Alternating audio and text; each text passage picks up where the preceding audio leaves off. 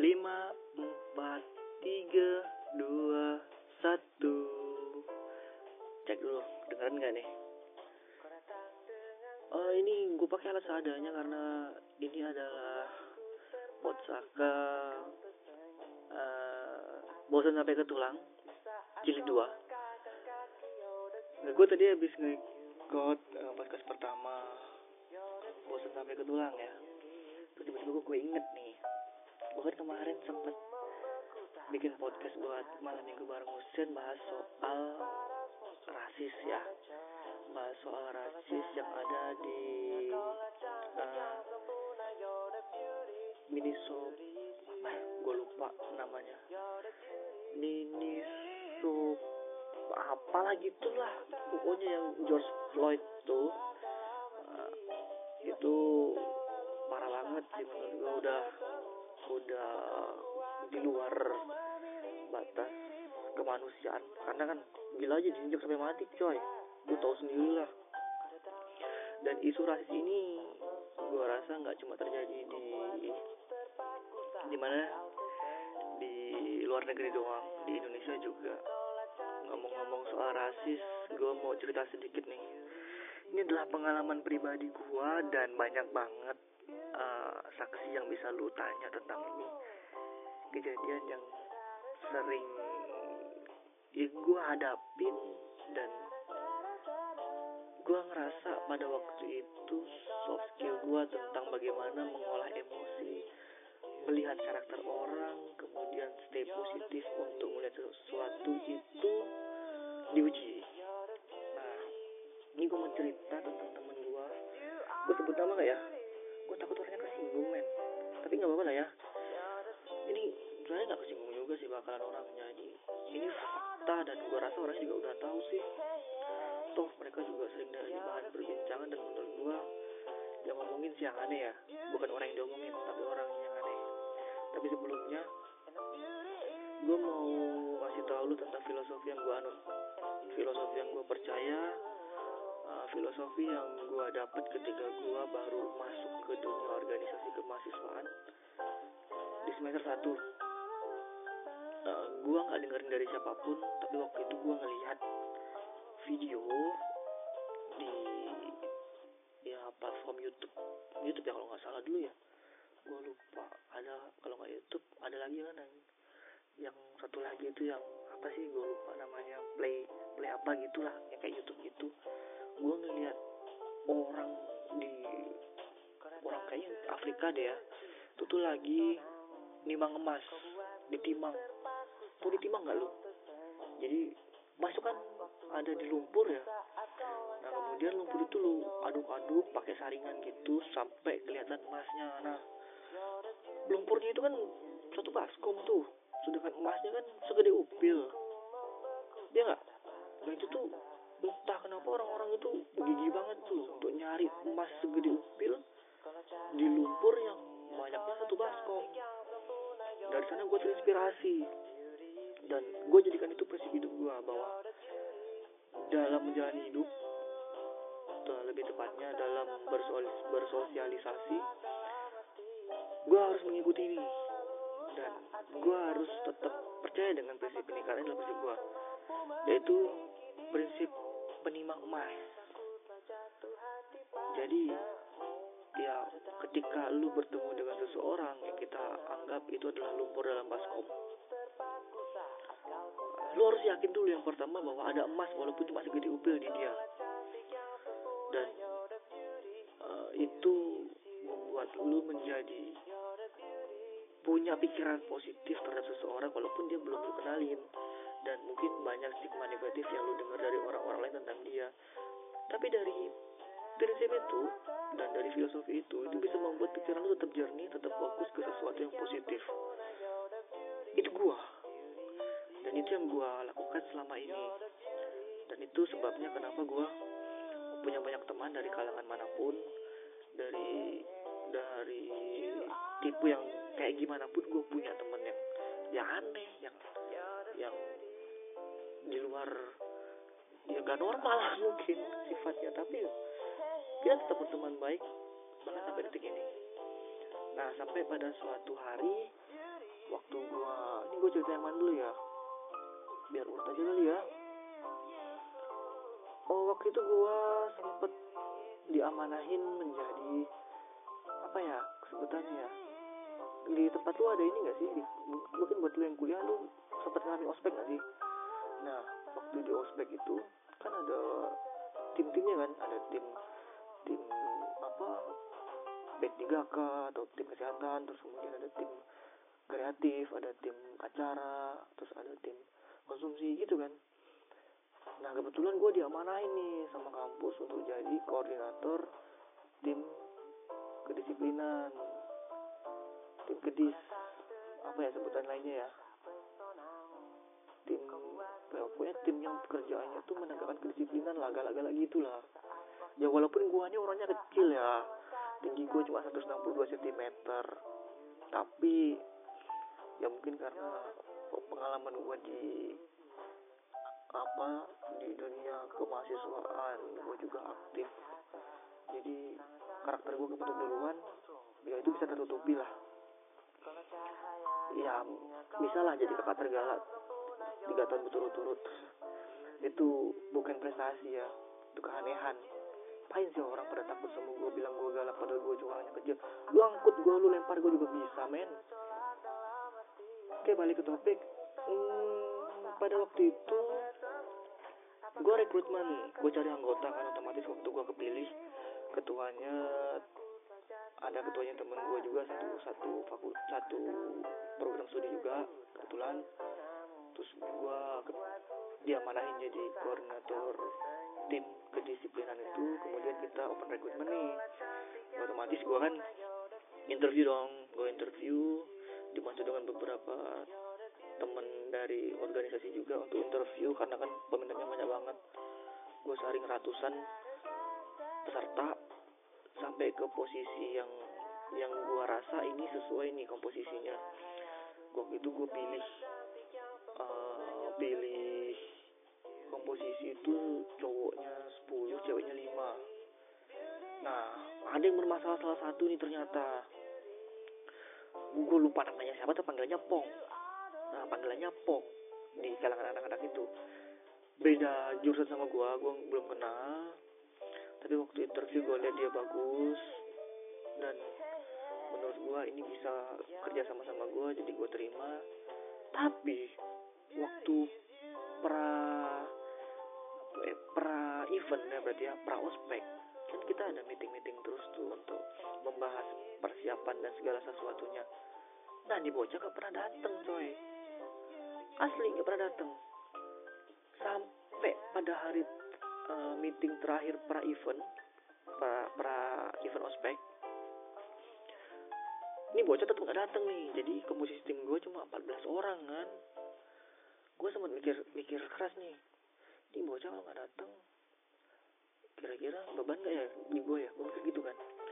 Terus tau beberapa temen gue sesama koordinator ngomong ke gue itu itu di meeting ngomong kayak gitu di luar meeting juga ngomong kayak gitu ke gue jadi mereka bilang udah coret aja tuh bocah. Nggak niat tuh. Cari yang lain aja kalau perlu masih ada waktu sehari kok.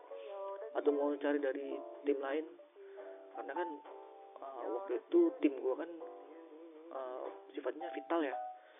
Jadi ya lebih baik nyari yang lain lah yang yang udah ready lah gitu. Gue tetap berpikir ini bocah niat gak niatnya karena bukan tergantung dari meeting sih. Gue mikirnya gini ini bocah kalau emang sampai hari nggak ada nggak ada baru udah gue ganti. Tapi kalau hari ada ya udahlah nggak apa-apa lah nah kan itu hamil satu tuh hamil satu kita persiapan kan. Gue tidur di kampus tuh seminggu sama anak-anak khususnya koordinator terus ketua ketuaan semuanya tidur di kampus tuh. Tidur di kampus kita persiapin untuk acara ospek besok. Semuanya lah itu kita siapin sampai lembur-lembur sampai malam. Terus paginya gue bangun sekitar jam setengah empat pagi. Anak-anak udah siap meeting gue juga udah siap mau briefingin mereka semua. Ini bocah dateng. Gede gede gede gede gede gede. Ditahan dong sama anak-anak. Lu ngapain dateng? Digituin sama anak-anak. Nah posisi gue baru bangun tidur gue ngeliat ada orang dihakimin kan di, dikelingkerin gitu. Rame banget subuh subuh gue bingung dong nih apa nih orang-orang pada ngapain ngumpul kayak gitu tuh? Siapa juga orangnya di situ tuh pas gue ucap-ucap mata kan posisi gue baru bangun tidur mana gue tidurnya jam 11 gue tidurnya jam 11 gue bangunnya setengah 4 badan capek. Ya gitulah namanya juga pengorbanan ya. Tapi ber, berkesan sih. Gue bangun gue lihat dah. Anggota gue nih gue mikir gitu kan.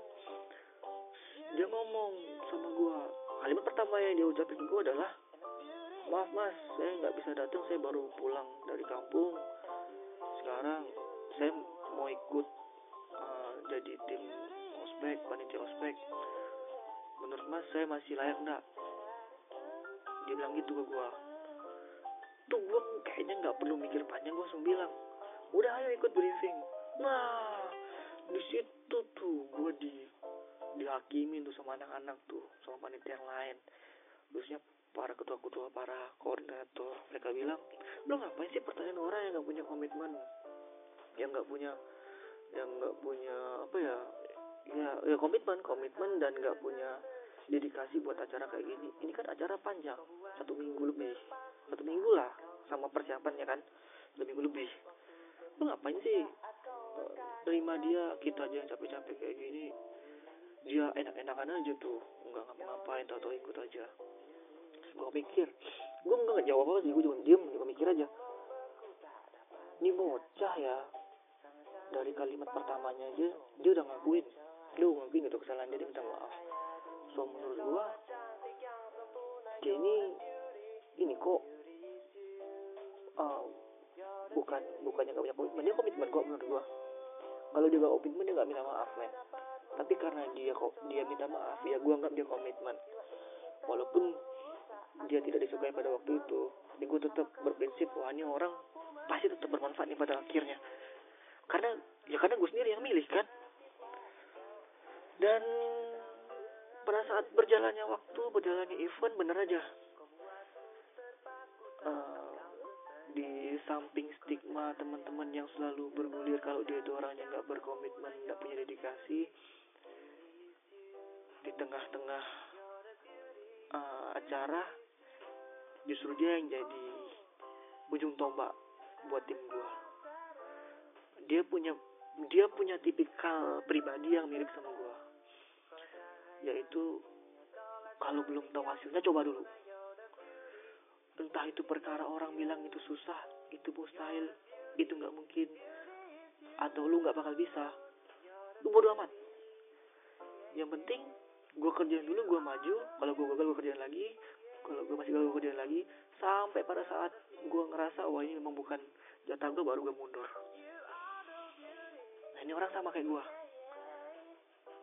dan gue tahu dia punya effort untuk menjiwai pekerjaannya pada waktu itu.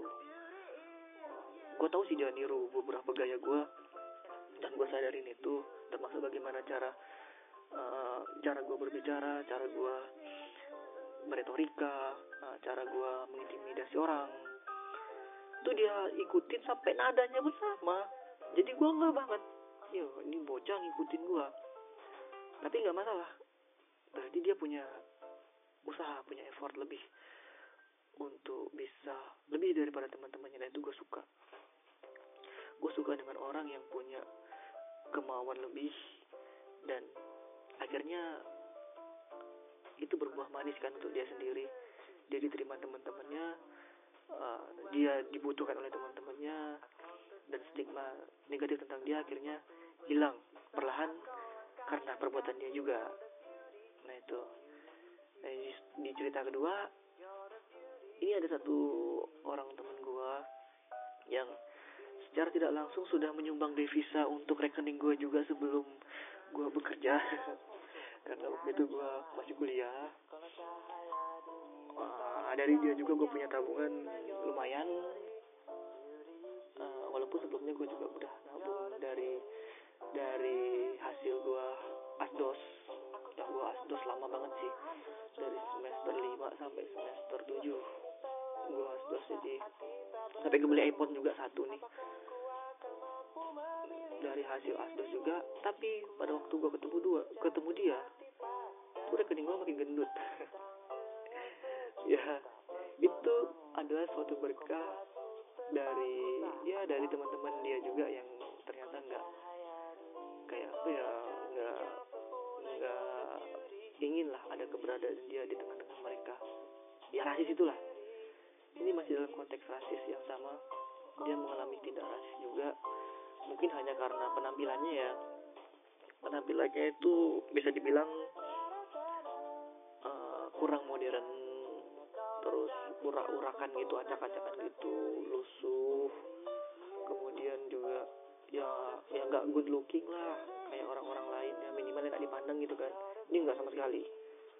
Sampai orang-orang tuh pada nggak mau nggak mau apa nggak mau deketin dia gitu. Sampai orang lain bilang nih eh lu temannya ini ya? Gitu aja nggak mau tuh udah kayak najis banget.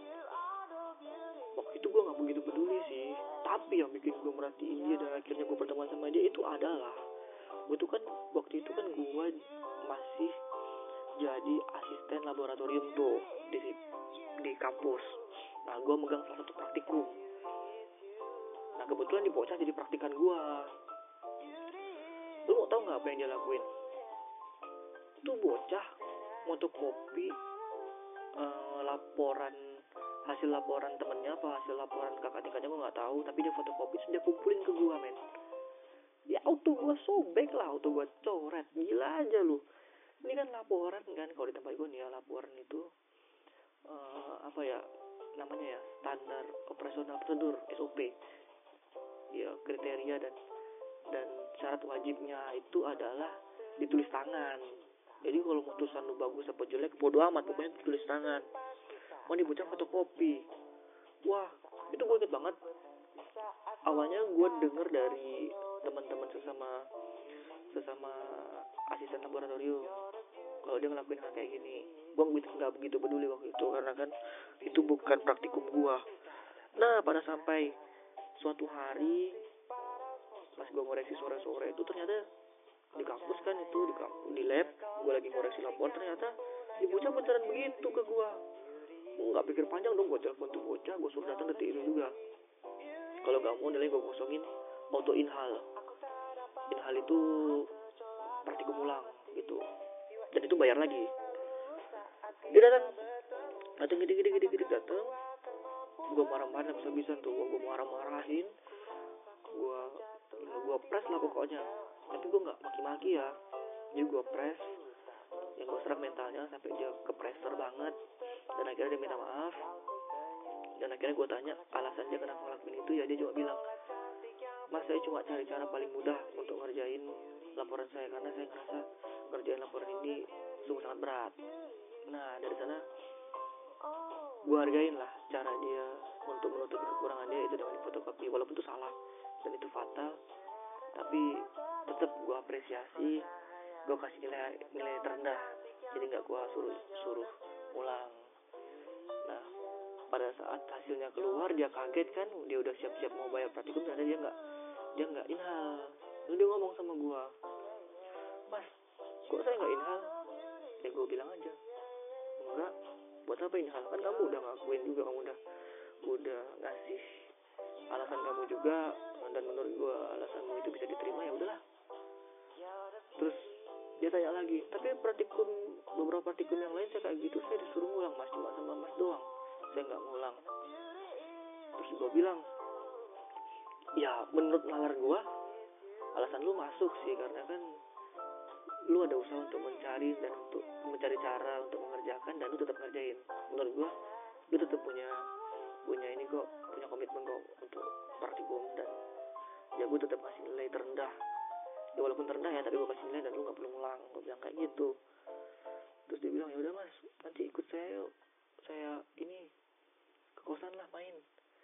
Saya kasih sesuatu lah kayak kayak istilahnya itu dia tuh mau ngasih gue reward gitu lah dan gue bodo amat sih waktu itu ya. Gue gue tetep datang ke undangan dia ke kosannya main kan main doang. Tuh cuma sebentar sih gue gue cuma sebentar. Gue diajarin gimana caranya dropship pada waktu itu. Nah waktu itu marketplace khususnya uh, bisnis online tuh belum banyak. Sekitar tahun 2017 awal. 2016 akhir gitu lah itu belum banyak.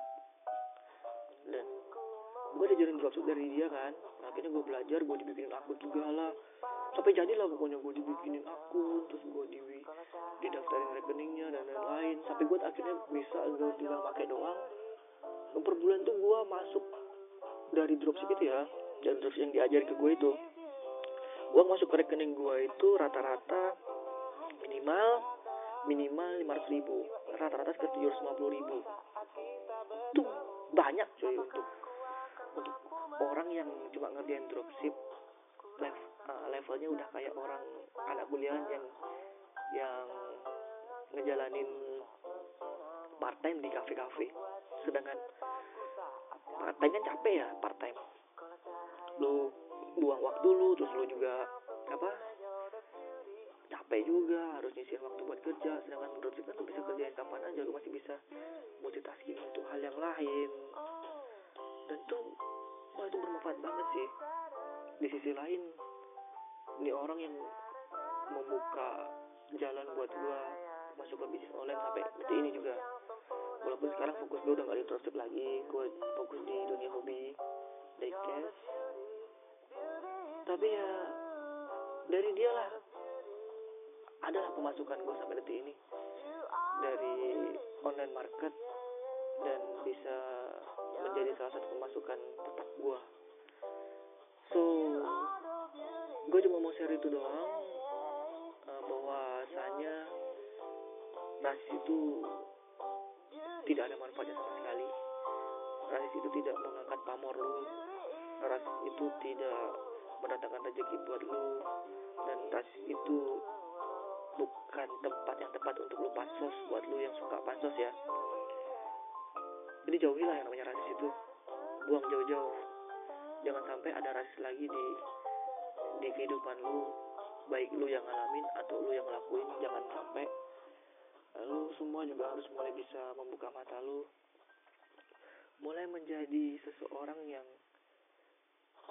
seperti penimah emas walaupun dalam satu baskomnya itu isinya penuh dengan lumpur tapi dia tetap positif untuk mencari emas walaupun cuma titik dia tetap positif dan dia tidak akan pernah nyerah untuk mencari emas tersebut. So gue cuma mau share itu aja. Terima kasih. Semoga bermanfaat dan sampai jumpa di episode episode podcast selanjutnya. Dadah